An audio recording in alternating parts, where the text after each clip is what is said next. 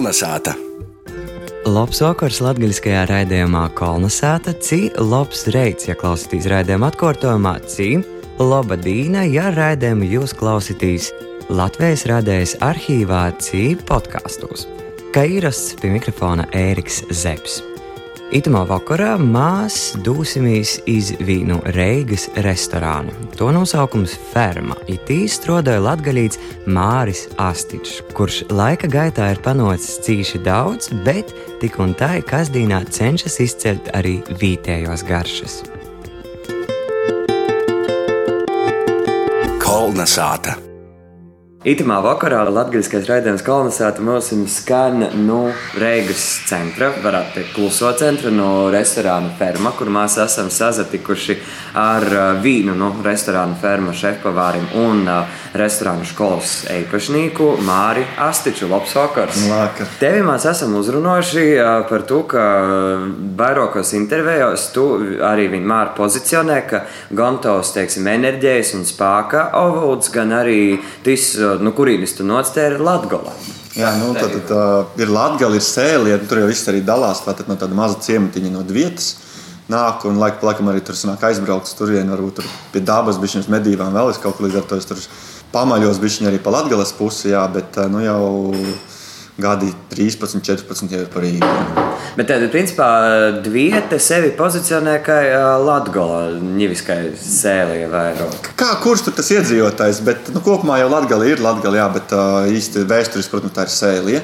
Bet turpat vien blakus ir. Un, nu, kā pasakā sēlī, tad liela daļa varbūt nemaz nezina, kur tas ir. Tad saka, sēlī Latvijā, jā, jā, zinām. Jā, jā bet, tu, bet tu arī teici, ka tev vecāki, piemēram, un vecmāma runāja latviešu. Ja? Visi gandrīz runāja. Mēs ar mazo brāli nerunājam latviešu īpaši. Saprast, mēs saprotam, viss ir kārtībā. Varbūt ja tur kaut kādā tādā brīvākā kompānijā vēl, vēl kaut ko arī pateiktu. Bet tā publiski nu, nav tik labi attīstīta man tā latviešu valoda. Bet jā, vecāki runā, brālis runā. Un, un, un, un, Un arī vecmāmas savulaik runāja visas latviešu valodās, protams. Jā. Kā tu teiktu, kas ir te Latvijas unikālo garšu? Tagad ļoti daudz dažādi pasaukumu festivāli meklē šos nulvadu garšas. Kas ir Latvijā?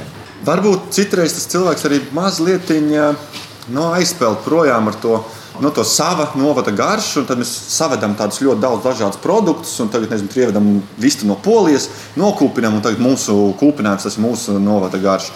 Es teiktu, nē, vairāk ir jāskatās nedaudz vēsture, tad jāskatās vēsturiski, tad pirms kariem Latvijā bija ļoti spēcīga kulinārija, ir ļoti spēcīgas senās grāmatas, un arī Rīgas osta bija viena no tādām no top ostām, lai nāk šīs Baltijas valstis un, un Pēterburgas un tā tālāk, lai apgādātu produktiem.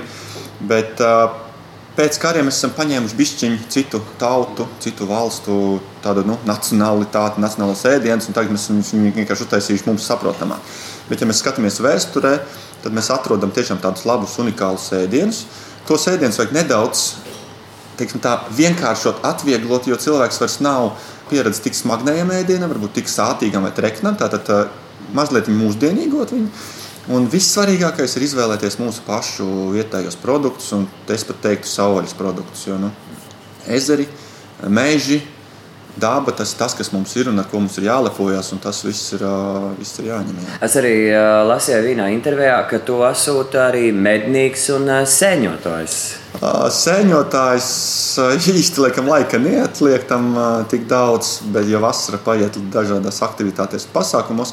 Bet medībās gan es cenšos izskriet, jo tā ir diena, kad tu vienkārši bez telefona, bez nekā kopā ar suņiem pa mēžu no rīta līdz vakaram skrien un, un tu esi pie tās dabas. Jā, nu ja būtu vairāk laika, arī varbūt tās sēnes cītīgāk meklētu. Bet jā, pie dabas esmu joprojām, un es domāju, tur arī palikšu, lai arī saprastu to sezonalitāti, lai saprastu, kas ārā darās ziema, vasara vai pavasaris vai rudens. Bet tev arī patīk medījumu gatavot? Jā, protams. Ja mēs skatāmies no zivīm, tad karaliskākā zivs ir Daugos karalis sams. Mēs ar viņu ņemam sākot no 15 kg, bet pārsvarā 25, 35 kg.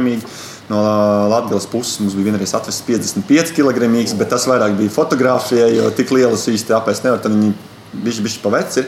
Bet visekskluzīvākās zivs ir zuds. Ja, un, nu, protams, daudz arī saka, tie latgales zuši, bet, diemžēl, īsti viņus var zvejot Latvijā nevar, jo viņi ir aizsargājumi, viņiem ir liegums. Viņus vairāk, teiksim, tā mēģina audzēt kaut kur un, un likt, bet tāpat arī par medījumiem. Tātad alnis, briedis, tirni, tas tas, ko jāceļ ir galdā, un es pat teiktu, jebkura produkta garša ir atkarīga no tā, kur viņš ir dzīvojis, ko viņš ēdis un kādos apstākļos viņš ir dzīvojis. Mm. Gliemežam, zivīm tomātam, jebkam. Bet uh, atgriežoties pie tiem uh, latgolai raksturīgajiem iedīniem, un te varbūt tu varētu nosaukt arī kādus poris pīmārus. Jo man arī ir gadījies teikt, ka nāk cilvēkam prasa, nu, nu, kas tad ir latgolai tāds unikāls. Un, nu, es, esmu nosaukt guļbišķīgu. Guļbišķīgu. Es gribēju tieši to pašu arī nosaukt, bet uh, te, te man stāsts bija, mēs vairākus gadus atpakaļ braucām. Uh, Man bija viena žurnāliste arī no dienas sēdieniem, toreiz vēl tagad tā žurnāla nav. Viņa saka, Mārija, vai tu esi no Latvijas, vai tu varētu uztaisīt tādu mazo tūri, tur, piemēram, sieras siešanas tādu braucienu. Es saku, protams, nav problēma. Mēs tur vienam, otram, trešam, un tad mēs sākām. Un, tā lauka sētā, kur vēsturiski viņa maize cepa, kur vēsturiski to sieru sēja, tiešām tur tautu tērpā un tas tā ugunskur. Un tad tās Rīgas viesus īstenībā bija ļoti patīkami pārsteidzis, jo viņi saka, ka Kā var būt tik viesmīlīgi un sirsnīgi cilvēki, uzņemot pilnīgi svešus? Un te ir arī laikam, tā mana izcelsme, tātad tā latgaļa asinis, sēlies asinis, ka ir jābūt viesmīlīgam. Un, ja pie manis brauc ciemiņi, es arī klāju galdu un es viņus sagaidu. Un tas pats ir latgalē, ka braucot, tevi sagaidu. Un es teiktu, ka man asociējas vairāk nevis ar kādu konkrētu ēdienu, bet tieši ar to viesmīlību un ar to, ka cilvēks, nu, tas pat nav pienākums, tas ir, tas ir asinīs, ir tāds vēlme sagaidīt un uzņemt ciemiņus. Un galds bija klāts, kūpinājumi, tur viss kaut kādas gaļiņas un sieri, maizes, viss bija salikts. Un te ir tas atslēga, ka latgalietis vienmēr atšķirsies tieši ar iesmīlīti. Tu īsāk runāt arī par šmakoku, un šmakoku, un šo ik pa brīžam ir tā tendence padarīt šmakoku kā tādu latgals kulinārijas zīmolu, bet mazāk kā francūžam konjaks un tam līdzīgi. Kā tu uz to verīs? Tātad es sēdināšanas biznesā esmu 13 gadus. Sākumā tas varbūt visiem interesē, bet neviens īsti ne, neveidoja, nedarījās. Šobrīd ir ļoti daudz mairažotāju, nelieli uzņēmumi, kuri ir dabūjuši alkohola licences un paši gatavo un spēja nodrošināt un vest arī restorāniem tirgoties. Es teiktu, ka sagaidot ar ārzemju viesus restorānā, ja tev ir iespēja stāsts un iedot pagaršot, tad uh, tas var uzreiz arī iedot tādu baigo, baigo tādu pievienoto vērtību tam, ka tev ir Latvijā kaut kāds tas pašbrūvētais dzēriens, viņš ir labs un kvalitīvs. Bet šobrīd ir ļoti daudz aiziet tieši arī tādi, kad pašbrūvē un tad notur uz dažādām ogām, kas ir mūsu pašu un tādējādi aiziet tāds nu, vēl viens cikls dzērienu kultūrā. Teiktu, ka ar to ir jālepojas un tas ir jāceļ galdā un, un par to ir jāstāsta, bet, protams, saglabājot tādu kvalitātes zīmi. Uh, bet, tad, principā, man šobrīd tā izkristalizējas, ka tāds latgals uh, garšas zīmos varētu būt labi. Viņas ir šmako, ka viņas ir šeit vīsmēļēba vai vēl kaut kam ir īspēja. Uh, jā, nu, nu, man uh, laikam Tā varētu būt arī bērnības garša, ka tās māju desas, asins desas viennozīmīgi. Vectēvs atceros sen, sen kad gatavoja tādus kartupeļu sacepumus ar, ar, ar gaļām, ar, ar, ar bieziņiem, ar visām tādām lietām. Vairāk teikt, tādas bērnības garšas, kas tiešām ir pašu māju veidotas un būtības. Bet pats svarīgākais, es pat nevaru pateikt, tas ir vai, vai latgala vai nav latgala, bet tā, es arī to stāstu vienā televīzijas, tad, kad bija novada garšas, es teicu, ka tā ir mana bērnības garša, tad gurķis ar medu. Svaigs gurķis un uh, pašu bija, tētim ir bits, tad pašu bišu medus, rāmītes ar šūniņām, un tad vienkārši uz gurķu un ēd. Un tad, kad to stāsta, ļoti daudz cilvēku ir šokā. Viņi saka, kā, kā kaut ko tādu var uh, savienot kopā. Un vēl es atceros no bērnības, kad ir laba rupmaize, cukurs, un vienkārši samitrina to cukuru. Tas varbūt bija mums pie vecmāmiņas tas vienīgais deserts, ko mēs arī gājām un ēdām. Bet, jā, nu, es teiktu, ka, protams, pa, pašveidotais, pa, pašgatavotais, pašievāktais, nu, tas arī ir. Un visi tie ziemas labumu sarūpēšana Tas varētu būt tāds izteiktāks, manuprāt, tā pusē. Latvijas pusē arī vairāk arī spēcīgi lielie šefi, ko arī piemēram Lauris Aleksējos, 36. līnija, viņš arī nāk no Aglons puses. Un, un tas ir arī varbūt, ir tas mūsu arī dzenskrok, ka mēs ejam, darbojamies, daramies. Nu, ja mēs tā izteiktāk varbūt teikt, vai cik latgaliešu ēdienu pēc tādu vēsturisku ēdienu restorānu, es teiktu, ka es tā baigi, baigi to nepozicionētu. Stāstam ir jābūt katram, katram tam produktam jābūt stāstam. lai mēs tālāk iet un darītos. Bet uh, viena tā mazā problēma varētu būt, ka tā jaunā paudze, lai arī neesmu pārāk vecs, bet es vienmēr saku, jaunā paudze, tas ir visi tie, kas ir uh, mana vecuma un uh, viņa jaunāk. Mēs mazliet aizskrienam uh, prom no tām mūsu vērtībām un mazliet aizmirstam tos mūsu klasiskos un vēsturiskos ēdienus un to nozīmi, kāpēc viņi tika gatavoti un kāpēc viņi tādi arī bija. Jo lielākā daļa es neko tādu nēdīšu, to taču ēdat kaut katru, tad tas nav ēdams. Tas viss ir ēdams, tikai mums mainās dzīves ritms un mainās dzīves skrējiens. Un mēs gribam būt stilīgi, tāpēc mēs ēdam vairāk ārzemju ēdienas, pizzas, sushi, tur viss tādas zupas, kas nav mūsu pašu. Mēs aizmirstam to mūsu īstenībā to vēsturisko klasiku, es teiktu. Bet, nu, jā, nu nevajag jau arī baigi uzspiest, tad radīsies tās bērnības traumas. To ir jāstāsta, tas jārāda. Un tas viens varētu būt jā, tas brauciens uz Latviju. Tas ir vismaz tādam izteiktam pilsētniekam, tas ir tāds baigais, baigais piedzīvojums. Jā. Pat lielāks nekā mums bērnībā bija braukt uz Rīgu, tad viņiem ir brauciens Latvijā pat ir tāds, jā, tas ir kaut kas ļoti, ļoti tāds wow. Un... Bet par to ritmu, ka īsākam runāt, savulaik es biju Vīnā, tolā austrumu zemē, es biju porsteigts, ka, nu, teiksim, tie otros ēdinošanas restorāni var būt ne tikai pīrestī burgeri un kartupeļi, bet tur patiešām bija arī tie vītieji ēdīni. Un tad es te aizdomāju, bet vai mēs, nu, latviešu ēdīnim varētu kādreiz izveidot ātrā restorāna ķēdi. Sociālajos tīklos ir ļoti labi piemēri, kad ārzemniekam dod garšot mūsu pašu nacionālos ēdienus un produktus, kā piemēram tā augstā zupa. Un tad daudzi ļoti brīnās par to bietīšu augsto zupu, kā vispār kaut ko tādu viņus var ēst. Tagad tā kustība ir tas street food, kas ir iela ēdināšana, un tas, ko tur varbūt ir redzējāt, tas ir tas street food.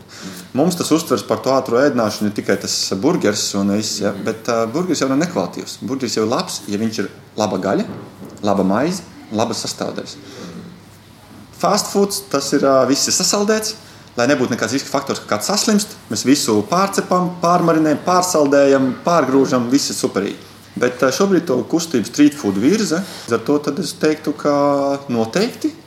Bet ir jāpagaida kaut kāds gadus, piecus. Jo, piemēram, skandināviem tev ir eh, tas futraks, tad tā mašīna, kur tev ir virtuve, tu vari izdomāt, aizbrauc, tirgoties. Latvijā to nevar darīt. Tev tur jāsaskaņo, jāsamaksā tas, tas, tas. Nu, tad, principā, valdība, valsts mums aizliedz virzīt un kustināt kaut ko tamlīdzīgu. Bet uh, pieci gadi un cilvēki novērtēs, un tad arī tas turists, kas brauks.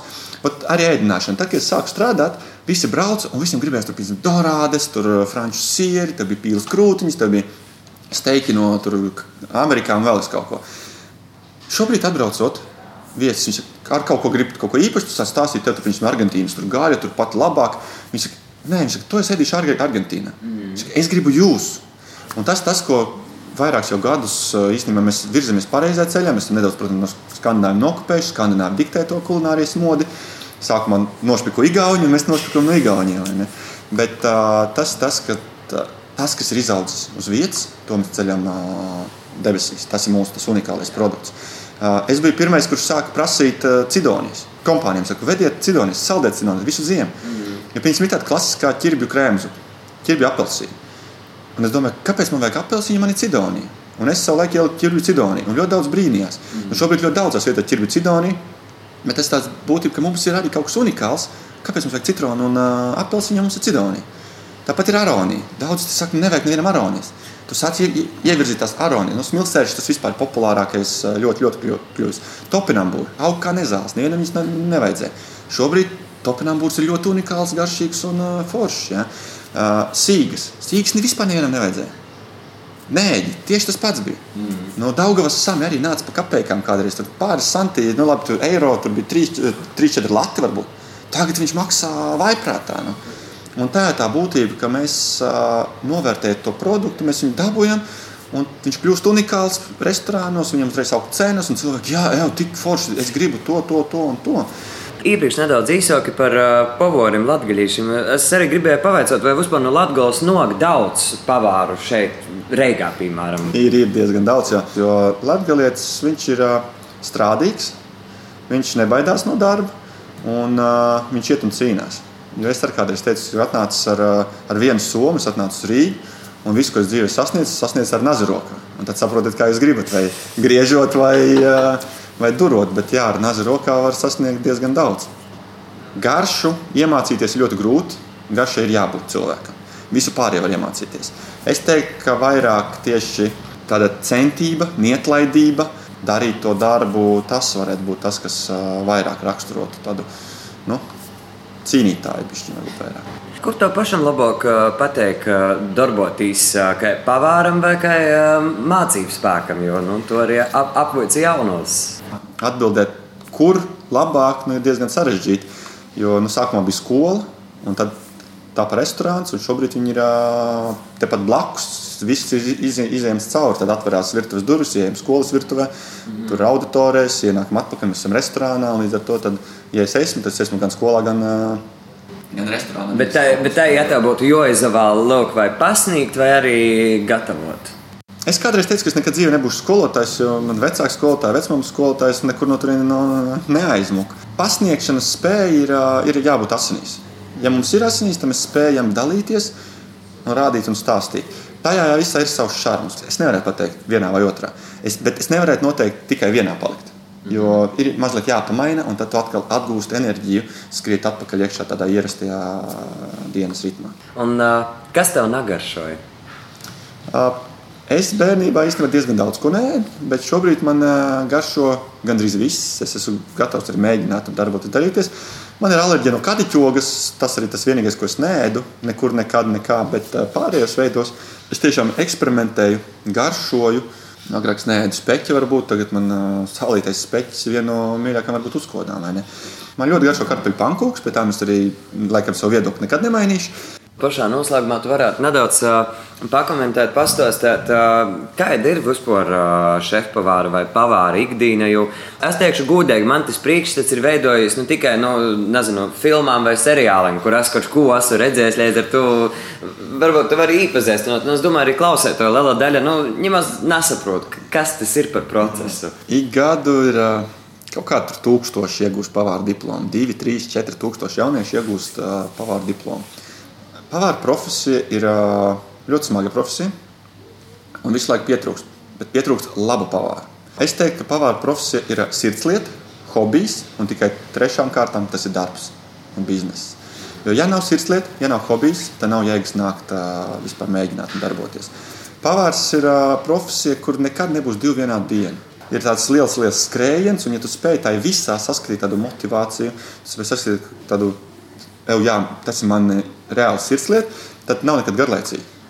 Jo tev nav rutīnas, tev visu laiku kaut kas cits, kaut kas savādāks. Tev visu laiku ir izaicinājumi. Tev ir pilnīgi cits uztver, uztver arī par to ēšanu, par to produktu un uh, par to, kāpēc. Tad ir jāiet tā, nevis savādāk. Tev nav jāpadārdzina produktu iepirkums, bet tev ir jāmaina uztvere un vēlme gatavot mazliet savādāk. Svarīgākais ir arī jaunajai paudzei, ka arī meitenēm jāgatavo. Tādējādi ir jāveido arī tā savu kultūru, neaizmirst, nu, nepārvērsties par tādu lielu valsti, kas strādā no pusfabrikātiem. Nu, kad aizbrauc uz Londonām vai vēl kaut kur tie lielveikalām, tur redzi jau samizotus tev visu dārzeņus un samizotus tev augļus un visu samizotu dod jau iepakotu plasmasos. Mēs varam nomizot paši, nu, mēs varam paņemt, sagriezt, salikt. Nepārējiem uz tādu pusfabrikātu ēru atceramies to, ka ir jābūt kultūrai, ka, ka ģimene ir jāgatavo kopā, ir jāpavada laika pie tā svētku galda, gatavojot to svētku ēdienu, jāiesaist ir bērni, jāiesaist ir visa ģimene un jāveido tās tradīcijas tieši ēdienos un kultūrā. Un pavārs tas jau nav tikai restorānā, vai ēdnīcā, vai kafejnīcā. Pavārs jau ir jebkurš, kurš gatavo. Tātad turēt tomēr to, to savu pavārdu, to savu virtuvi tai goda vietā, lai jā, lai mēs varam lepoties, lai mēs varam sagaidīt viesus, lai svinētu tos visus svētkus un, un, un lai ir tā gandarījuma sajūta par pagatavotu ēdienu. Tas varētu būt tas īstais pavārs, kas katram ir jāatrod sevī. Kolnesāta! Tā ir pasarunām ar pavoru Māri Astiču, bet ņēmu dosimies iz Kroslavas pusi. Tī šodien Tāpat arī Rāzaknē Latvijas viesnīcībā Gors pirmizrāde piedzīvoja viestura Kairiša filma Pilsēta pie upes. Silvija Smagare bija sazatikusi ar kinā iesaistītajām personām, aktierim un radošo grupu. I pazaruno par filmas tapšanas procesu, izsajūtam ar kādam jī sagaida kinas iznākšanu uz lielajiem ekrāniem. Nu tak, pa kongon. Aber alles bis wieder. Viestura Kairiša jauno filmā Pilsētā Pilpis ir attiecībā uz tos uz pagājušā gadsimta 30. un 40. gadu vēsturisko pormāņu fonu. Filma Pilsēta Pupis, kā Ziemassvētku egļēta. Mūsu latgalīša satavinojusi. Tas ir gara darbs. Par mums, par mūsu viesturi, tie ir vārdi, ko par šo filmu saka tā iesaistīti cilvēki. Šodien kolonizātā runā ķīlatgalīši, kuriem bija šajā filmā sava loma un savas pordomas gan par pašu filmu, gan par savu iesaisti tajā. Mani sauc Unagūrē. Pirmkārt, es esmu skolotāja divās skolās. Daugopils saskaņas pamatskolā kā vizuālo mākslu. Saules skolā es keramiku mocu bērniem no dzīvē māksliniece. Filmā es biju Bernsteina sīva, mēs bogotokie ebreji tajā timā cīmā vai pilsētā. Manu vēru tēlova Gundars Āboltiņš. Ļoti interesants cilvēks, ļoti erudīts, otrkārt ļoti interesants stāstnieks un treškārt ļoti laba humora izjūta. Kā es tiku pie Lūmas, ļoti interesanti. Es aizbraucu uz Kroslavu, uz kastingu aizvedu bērnu. Bet kastinga laikā nas no kurienes iznira Kairiša kungs. Viņš saka, jo arī apģērbi dēļ kastinga. Mani apģērba. Ja pēc kāda laika man pizvanīja, ka jā, es tiku ielūgta uz Lūmu. Viss bija ļoti pārsteidzoši un interesanti. Kas bija tavs stāsts šī sīva? Ko iedarīja, kas bija tev jodara filmēšanas laikā? Nu, es biju vairāk tāda kustīgā dekorācijā. Man vajadzēja skumjai stāvēt Bernsteina kungam blakum. I, uh, man, kā kortēgai ebreju sīvītei, vajadzēja visu laiku kā, rūpēties par puķiem un par manu meitu un pārdzīvot līdzi visiem tiem notikumiem, kas tur ir.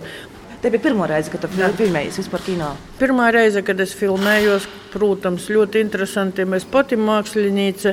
Man bija interesanti tas, ka, ja tu esi gleznotojs, tu sēdi ar savu audeklu, tur domāji, gleznoji viens pats.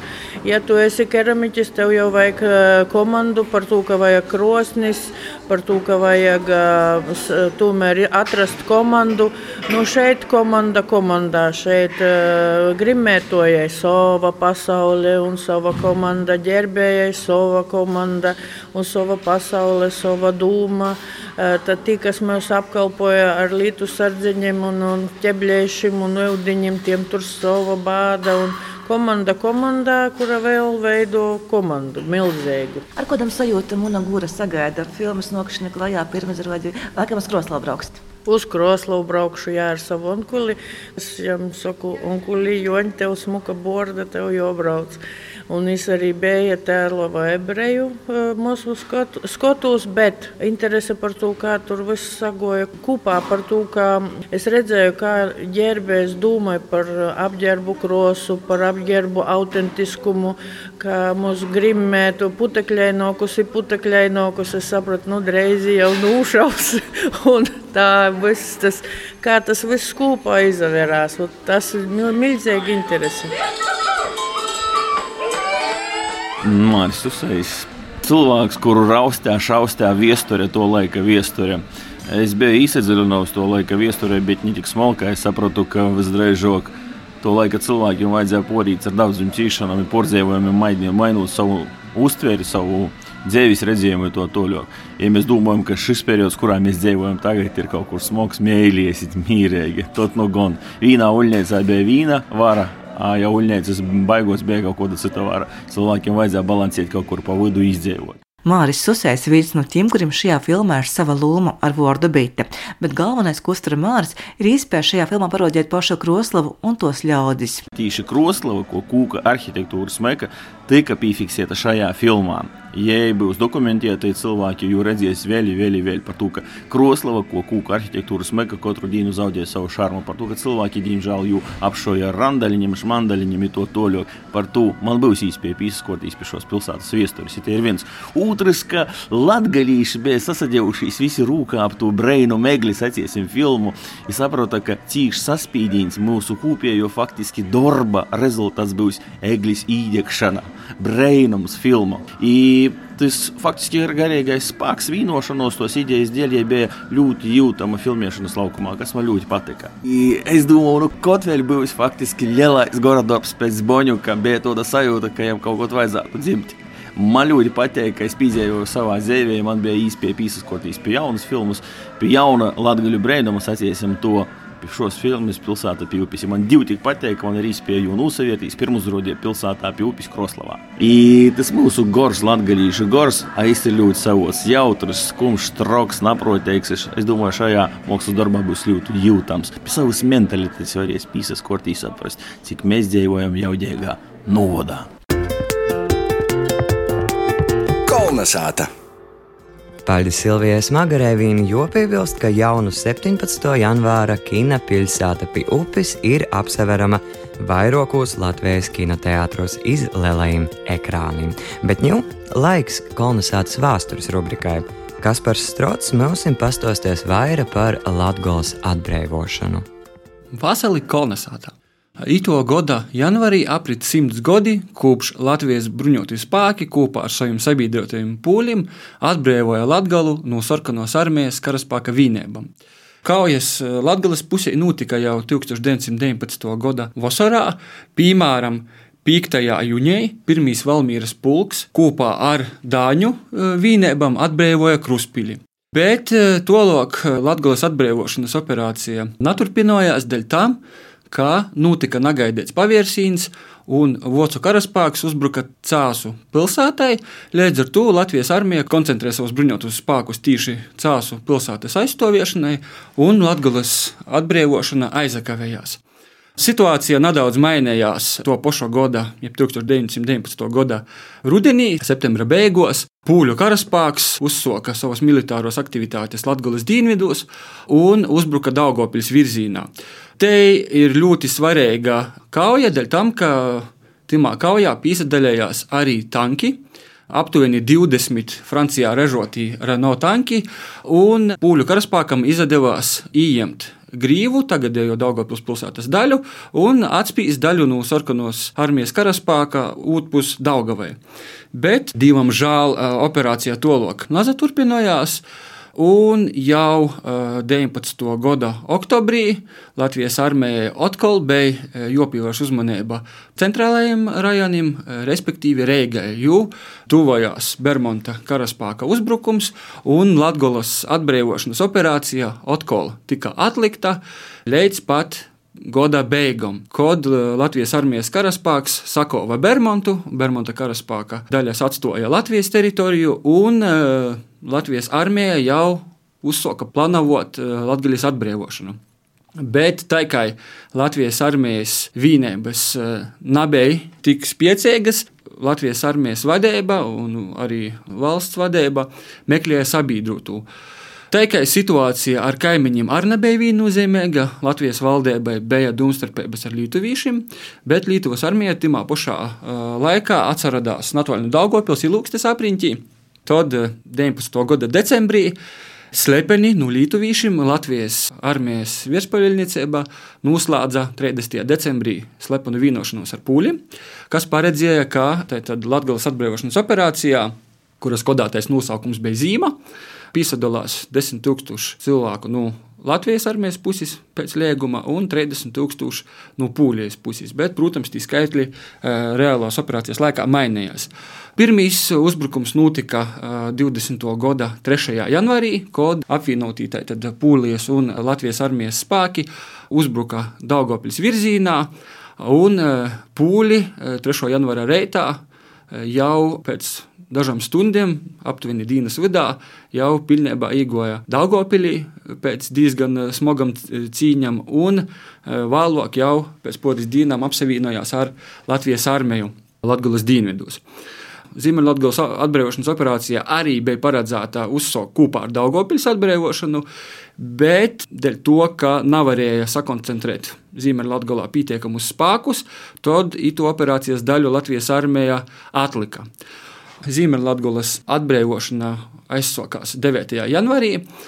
Un, ja piemēram Dārgopils atbrīvošanas eh, sarkanās armijas 15. armijai bija negaidīts eh, uzbrukums un trīcīns, Tad Ziemeļlatgolā jau bija labāk sagatavojušies un var sacīt, ka gaidīja uzbrukumu no Latvijas armijas puses. 20. gada janvārs bija ļoti salds, bija daudz sniega, līdz ar to tas apgrūtināja gan karavēru un armijas kustību, gan arī apgodi.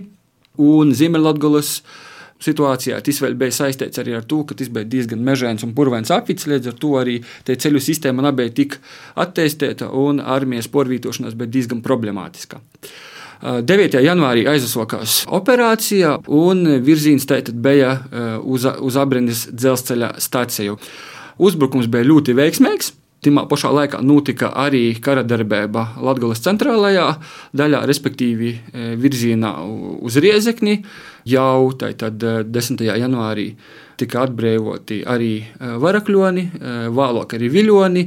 Un Latvijas armijas kustība austrumu virzienā bija ļoti veiksmīga. Un 13. janvārī Riezeknī par savu darbības izbeigšanu paziņoja jurista Pētera Stučkas vadīto padomju Latvijas valdībā, kuras teigā pameta gan Riezekni, gan arī Latvijas teritoriju, un vēlāk arī atceroties Krievijā izbeidza savu darbību. 13. janvārī arī aizsākās turpmākie neatkarības kara notikumi Latvijā, respektīvi cīņa visā frontes garumā, bet par tiem notikumiem, kas sekoja pēc tam, es jums pastāstīšu nākamajā tikšanās reizē. Visu labu! Pārdis Kasparam Strodam latgaļisku raidījumu kolonizāta sagatavoja Latvijas radijas Latgolas studē Rāziknā. Pie mikrofona bija Ēriks Zepsi, raidījumu producēja Guna Igavena, bet par to, lai mēs būtu redzami sociālajos teiklos, godoja Viola Lapa. Izsazatikšanu jau nākamajā sestdienā. Visu labu! Kolonizāta!